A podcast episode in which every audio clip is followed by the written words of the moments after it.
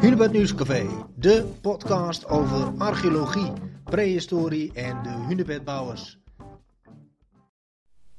Vandaag spreek ik met archeozoologe Chanan Chakilar, verbonden aan de Rijksuniversiteit in Groningen, over wanneer gingen mensen hier in Nederland over op een boerenbestaan. Chanan, als ik het goed begrijp, ben jij eigenlijk vooral archeozoologe. Ja, dat klopt. Mhm. En uh, kun je eens uitleggen wat dat vakgebied precies inhoudt? Het is binnen de archeologie een subveld. Het is wel heel breed. Het kijkt relatie tussen dier en mens. Mhm. En wat dat betekent vooral voor de samenleving. Mm Dus kijk vooral uh, naar de relatie tussen dier en mens. En um, nou, als er bijvoorbeeld ergens een opgraving is en daar komen resultaten uit, wat onderzoekt een archeozooloog dan? Oh, oké. Okay. So, mhm. de archeozooloog moet eigenlijk ietsje vroeger instappen okay. in de projectontwikkeling voor de opgraving, mhm. liever, als de opgraving wordt gepland. Omdat hoe de archeologen de botten en kiezen en schelpen opgraven is ook heel belangrijk. Uh, of ze een zef nodig hebben, of ze kunnen gewoon zo zamelen, of uh, zullen ze ooit diermateriaal überhaupt vinden, uh, dan bepalen we dat ook, helpen we mee. Uh, en dan komen de archeologen ja, met heel veel kennis over dierlijke anatomie. Mhm. En uh, we hebben ook de zogenoemde referentiecollectie. We hebben een heel grote hier in Groningen. Um, de Bottenzolder. Ja. En dan uh, we bepalen de diersoorten, hoe oud de dieren zijn geweest toen ze dood uh, gingen. We kunnen ook aan de pathologieën kijken. Hadden de dieren uh, bepaalde pathologieën? Uh, wegens uh, ziekte bijvoorbeeld, of hoe uh, de mensen toen hebben de dieren hebben gegeten. Ja, zo. Ja. ja natuurlijk. Ja, oké. Dus of, of ze ook zeg maar gebruikt werden in, in de maaltijden van, van de vroegere mens, bedoel je? Ja, mm -hmm. ja precies. Ja. Mm -hmm. um, nu is uh, ja, er behoorlijk veel aandacht voor een onderzoek waar jij ook aan hebt meegewerkt in Alblasserdam. Uh, en dat gaat natuurlijk uh, dan uh, over de Zwifte bandcultuur. Kun jij misschien eerst even voor alle luisteraars uitleggen wat die Zwifte bandcultuur is, over welke periode we spreken en dergelijke? Mm, ja, zo. ja, de Zwifte bandcultuur is natuurlijk heel lang mm. eigenlijk. De eerste potten in Nederland zijn ook Zwifte bandpotten ze horen ook aan de Zwifte baancultuur, maar we weten dat de mensen waren helemaal jagers en zamelaars mm en vissers. Ja. Uh, en dan, ja, een heel lange tijdperiode, ze hebben steeds nog de min of meer dezelfde materiaalcultuur. Ja. Ja, een millennium lang. En langzaam hebben we bewijs voor eerste boeren, eerste uh, veeteelt en agriculture.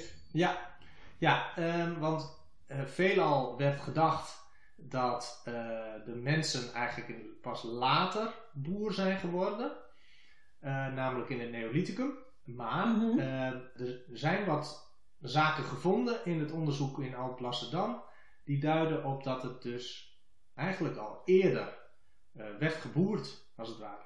Of niet? ja, men moet een beetje aan de detail ook kijken, ja, ook aan de, aan de artikel. Het heeft dan ook te maken uh, met de, dat er nog niet zoveel gevonden is, bedoel je? Wel, eerstens, niet zoveel gevonden. Mm -hmm. Zo de stratigrafie, de volgorde van de fasen ja. in de uh, nederzettingen in dit gebied. Ja. En overal in de Zwifte baancultuur is helemaal niet zo makkelijk. Okay. Ja, zo. Er zijn verschillende fasen en we hebben een aantal uh, C14-dateringen, maar het is niet helemaal super duidelijk, ja, met de botten zelf. Uh, met aardewerk en met uh, stratigrafie kan je beter werken, maar dan de botten kunnen ook, ze zijn niet zo statiek, ze kunnen ook mobiel zijn. Ja. Okay. So, dat is één ding. Maar dan als je ook kijkt dat de hardingsveld sites, ja. die uh, bij Ablasserwaard zijn, ze hebben ook een heel brede uh, stratigrafie, heel lange. In ieder geval, so, die, de artikel gaat eigenlijk uh, een fonds, lipide fonds van uh, zuiver ja. aan het, bijna aan het einde van de Zwifterbandcultuur is. Ja, einde, ja, definitief uh, in de laat, latere fase van de cultuur, niet uh, aan het begin. Oké, okay. mm -hmm. dus echt in die overgangsfase. Ja, in die zin fits perfectly. Ja, ja oké. Okay. Dus, dus um, eigenlijk um, heb je daarmee um, gevonden dat het toch echt duizend jaar ongeveer eerder uh, begonnen is dan dat men voor de vondsten dacht. Klopt dat? Ja, zo, maar dat, is, dat gaat niet om gedachten eigenlijk. Nee, het nee. gaat om uh, data. Ja. Kijk, uh, als je koeien hebt, mm -hmm. of als je potten hebt, of als je schapen hebt. Ja. En dat weten we ook niet. Ja, dat, het betekent niet dat als je twee koeienbotten heeft, hebt, um, of uh, twee schaapgeitbotten hebt, mm -hmm. betekent dat niet dat je hebt veeteld. Eerstens, ja. Zo, so, we kijken in de data echt uh, neer. We doen onderzoek aan bijvoorbeeld Skipluiden. Skipluiden is in min of meer dezelfde gebied voor ons. Mm -hmm.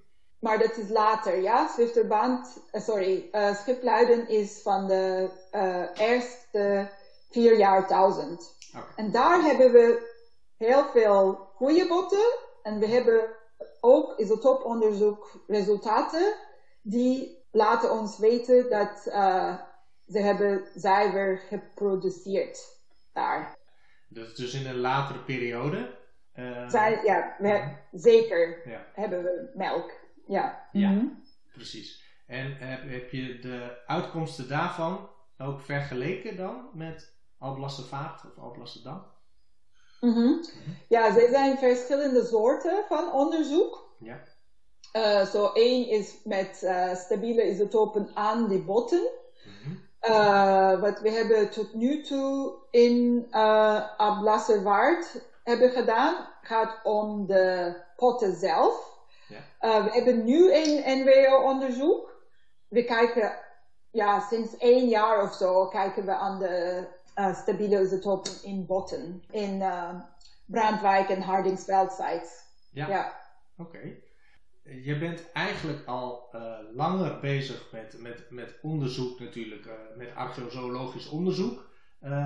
bijvoorbeeld ook in Bulgarije en dergelijke. Daar, mm -hmm. Wat heb je daar onderzocht uh, in, uh, in Zuidoost-Europa? Ja, so mijn onderzoek uh, gaat inderdaad in archeologie gaat om de overgangsperiode van deze ja, vroegste buren. Mhm. Of in, in gebieden waar we noemen de non-core gebieden, zo so niet de eerste domesticatie van schaapgeit en uh, koeien en varkens. Zoals maar die dan in Turkije liggen, ja. Ja, ja, mm -hmm. ja zoals in Turkije, maar dan in West-Turkije, dat is waar ik heb uh, begonnen. Okay. Bijvoorbeeld in Izmir en Istanbul en daarna heb ik uh, ook in Bulgarije dezelfde onderzoek gedaan. Ja. Uh, ja, deze overgangsperiode, hoe is het uh, gebeurd? Dat Mm -hmm. is, fascineert mij. Ja, dus hoe is het eigenlijk, zeg maar, de kennis die in de basisgebieden al was, hoe is die eigenlijk verspreid geraakt of hoe is die ontstaan, toch? Ja, ja so de, de, de kennis van uh, uh, kennis van domesticatie en de eerste vormen van domesticeerde dieren. Mm En in de eerste fase zien we ja, bijna altijd, dat is de moeilijkste fase natuurlijk, dat er is een menging. Net als in Nederland, als je hebt ook oerossen of zwijnen, ja. dan is een bepaalde niveau van intermixing, intergression, mm tussen de komende varkens en koeien en de, de lokale uh, wilde dieren. Ja. En mhm. dat is heel interessant. Dat was ja, tien jaar geleden niemand sprak erover eigenlijk. Nee. Uh, en dat betekent natuurlijk automatisch dat je moet jouw veetelt uh, strategieën mm-hmm. en uh, hoe je aan de omgeving aanpast of hoe je de omgeving uh, verandert. Ja, dat is een heel, dat moet heel anders zijn dan gewoon komen en doen, iets doen, ja. Ja. Dat is echt uh, ingewikkeld, denk ik. Die mensen, ja, dus die, en met name dus de fase van, van eigenlijk jagers-verzamelaars en dan de eerste ontwikkeling richting een, ja, een boerenbestaan, het hebben van veeteelt, dat is wat jij eigenlijk doorgaans het vaakst onderzoekt. Ja, ja, ja. En dat doen we met verschillende methoden mhm. of paleogenetiek. Ja, we beginnen altijd met traditionele archeologie. Mhm. Met uh, ja, wat soort dieren waren er, hoeveelheid uh, hebben ze nog steeds, hebben ze gewoon doorgegaan met vissen, met zamelen, met jagen. En dan, dan doen we paleogenetiek en isotopenonderzoek en dat soort allerlei dingen. Ja, want uh, dat paleogenetische uh, verhaal, daar bedoel je mee dat je kunt zien aan de botten of een dier gedomesticeerd is of niet? Ja, iets ja. ja, ingewikkelder. Ja. omdat een domesticeerde dier, genetisch gezien, is algemeen dezelfde als een wild voorvader. Ja, een oeros is dezelfde dier als een uh, koe, zeg maar. Mhm. ja? Maar dan is een bottleneck effect. Ja, de paleogenetica, wat zij doen, is vooral eerst mhm. om dit bottleneck te onderzoeken. Maar dan er zijn ontwikkelende confusing factors. Verwarrende factoren? Ja, er zijn, er zijn verwarrende factoren, net als deze menging tussen lokale en andere nieuwe vormen, de domesticeerde vormen van dieren. Okay. Ja, en dat was uh, echt ja, heel veel gebeurd eigenlijk. Ja, um, want wat zijn, wat zijn die, die factoren? Oh, deze verwarrende factoren zijn vooral, ja, ze hebben uh, te doen met de intermixing, met de okay. fokkerij tussen uh, ja, oude vormen en nieuwe vormen. En dan met migratie uh, door mensen en dieren gebeurde dat steeds. Ja. Stel je voor. Oké, dus dat is eigenlijk een hele ja, ingewikkeld scharnierpunt. ja, hoe kun je nu zien of een dier wild is of gedomesticeerd? En ook omdat daar een hoop ja ja, een hoop uh, een, een, overgangsfase in is geweest waarin die dieren naast elkaar leefden, bij wijze van spreken. Uh Dat is één van de hypothesen natuurlijk. Maar het kan ook zijn, er zijn uh, verschillen tussen verschillende dieren. Ja, zo in, in een koe verwacht je minder intermixing. Mm En dan in, bij varken uh, verwacht je meer. Ja, oké. Gewoon biologie en habitat use. Ja, ja. Want uh, bijvoorbeeld, er waren veel meer wilde varkens dan dat er wilde oerrossen waren. Heel goede punt. Uh, dat ook. Mhm. Ja, zo ja. In Nederland ook. We denken ja. uh, vaak dat er waren overal oorlogs en mm. dat was zo een oerlogsgebied. Nou, dat is niet helemaal waar.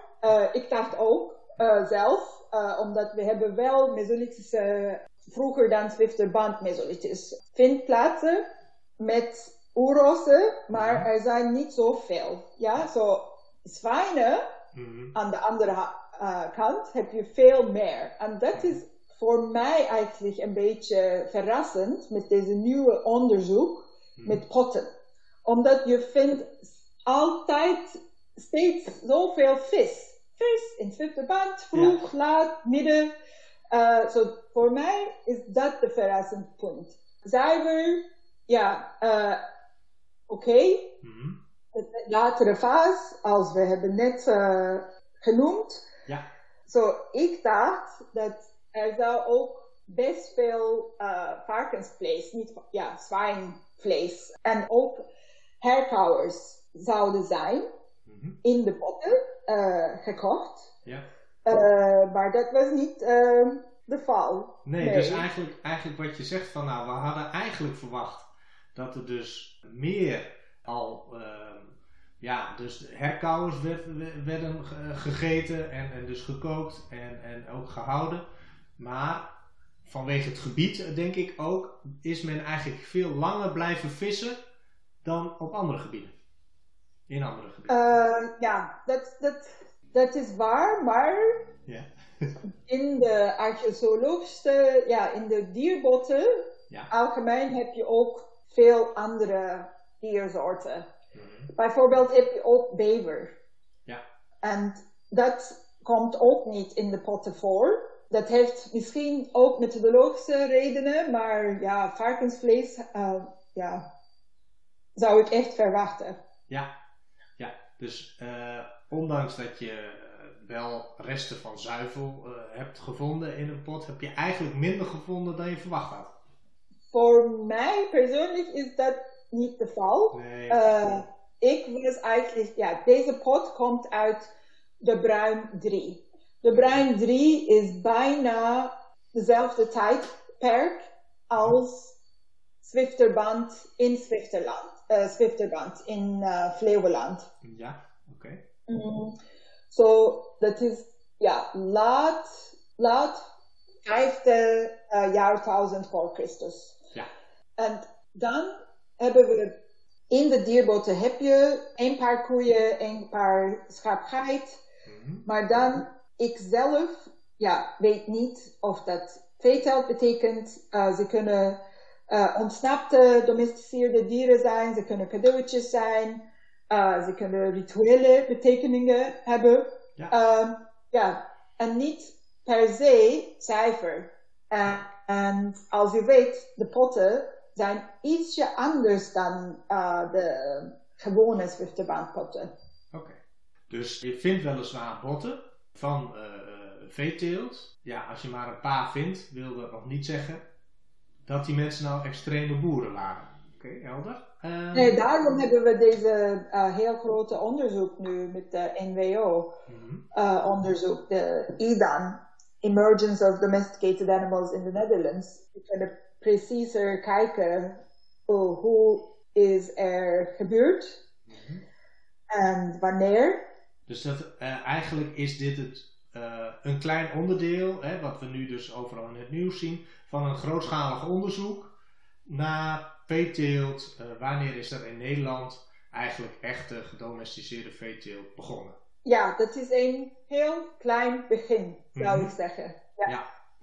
ja dat is een ja, goede. Mm -hmm. Ja, ik, dit is natuurlijk een podcast vanuit het Hunebedcentrum. Dus ik stel altijd even één vraag over de Drentse hunebedbouwers.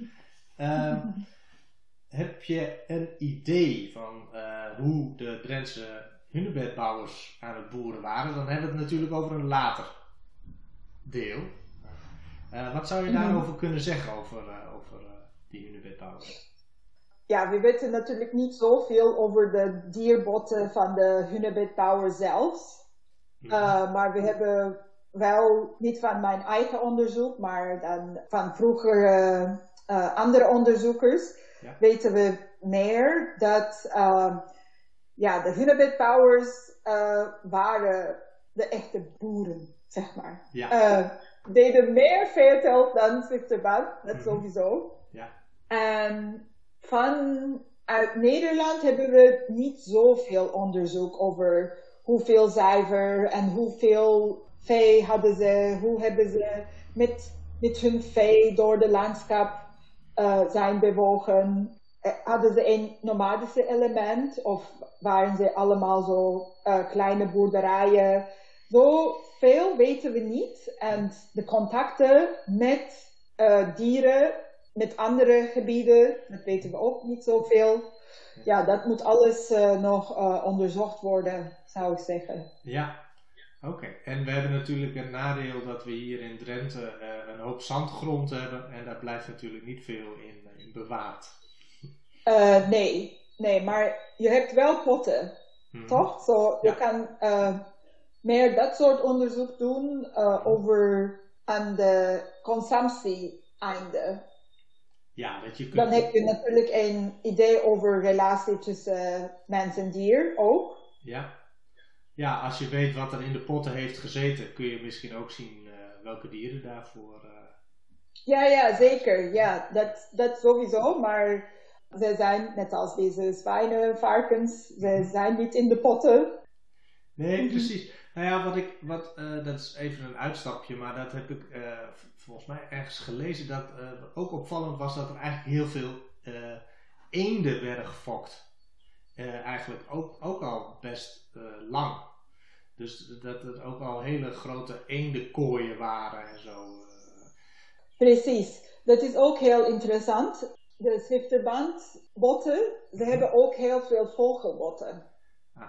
Eigenlijk, uh, ja, de Nederlandse botmateriaal enthoudt bijna altijd heel veel vogelbotten. En uh, we weten welke soorten, uh, maar dan diepere onderzoek over ja, ja, wat waren de eerste decoys, de uh, eentekooien? Of uh, hoe hebben de vogels uh, geïmmigreerd? Ja, hoe zijn de vogels daar terechtgekomen? Of hè, waren ze op, op, misschien ja. op een trek, trektocht? Uh -huh. Mhm. Was het dezelfde als nu? wat hebben ze gegeten, de vogels? omdat ja, het is een heel groot verschil natuurlijk door de tijd of je menselijke vindplaatsen hebt of niet. Mm. dat uh, ze eten aan de velden. Ja. De visserij is anders. Ja. ja de, de, wilde landschap is heel uh, anders. En hoe hebben ze die, dat soort populatie, de vogelpopulaties, hoe hebben ze zich ontwikkeld? Oké. Nou, dat is, een mooi inzicht. Hè? Dus uh, veeteelt, de ontwikkelingen die er vanuit de Zwifte band waren. En toch ook ja, veel meer natuurlijk nog andere soorten dieren dan wij eigenlijk gewend zijn uh, werden gegeten en geconsumeerd. Bevers. Otters. Otters. Ja. Mm Blijkbaar, ja. Mm -hmm. Nou, hartstikke bedankt. Uh, Shannon, hartstikke fijn. volgens mij hebben we aardig veel besproken. Mm -hmm. Hebben we nog iets gemist wat jij zegt, oh, dat wil ik nog even noemen? ja, ik wilde eigenlijk wel over, de, ja, over deze debat uh, iets vertellen.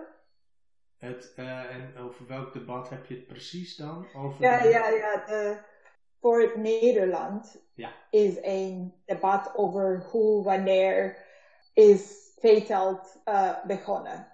Ja? ja? Er zijn eigenlijk twee kampen. Dus één kamp, archeologen zegt... Ja, het was allemaal heel, uh, echt een overgangsperiode. Een tijd, uh, het heeft heel mhm. lang geduurd en het is stapje voor stapje gegaan.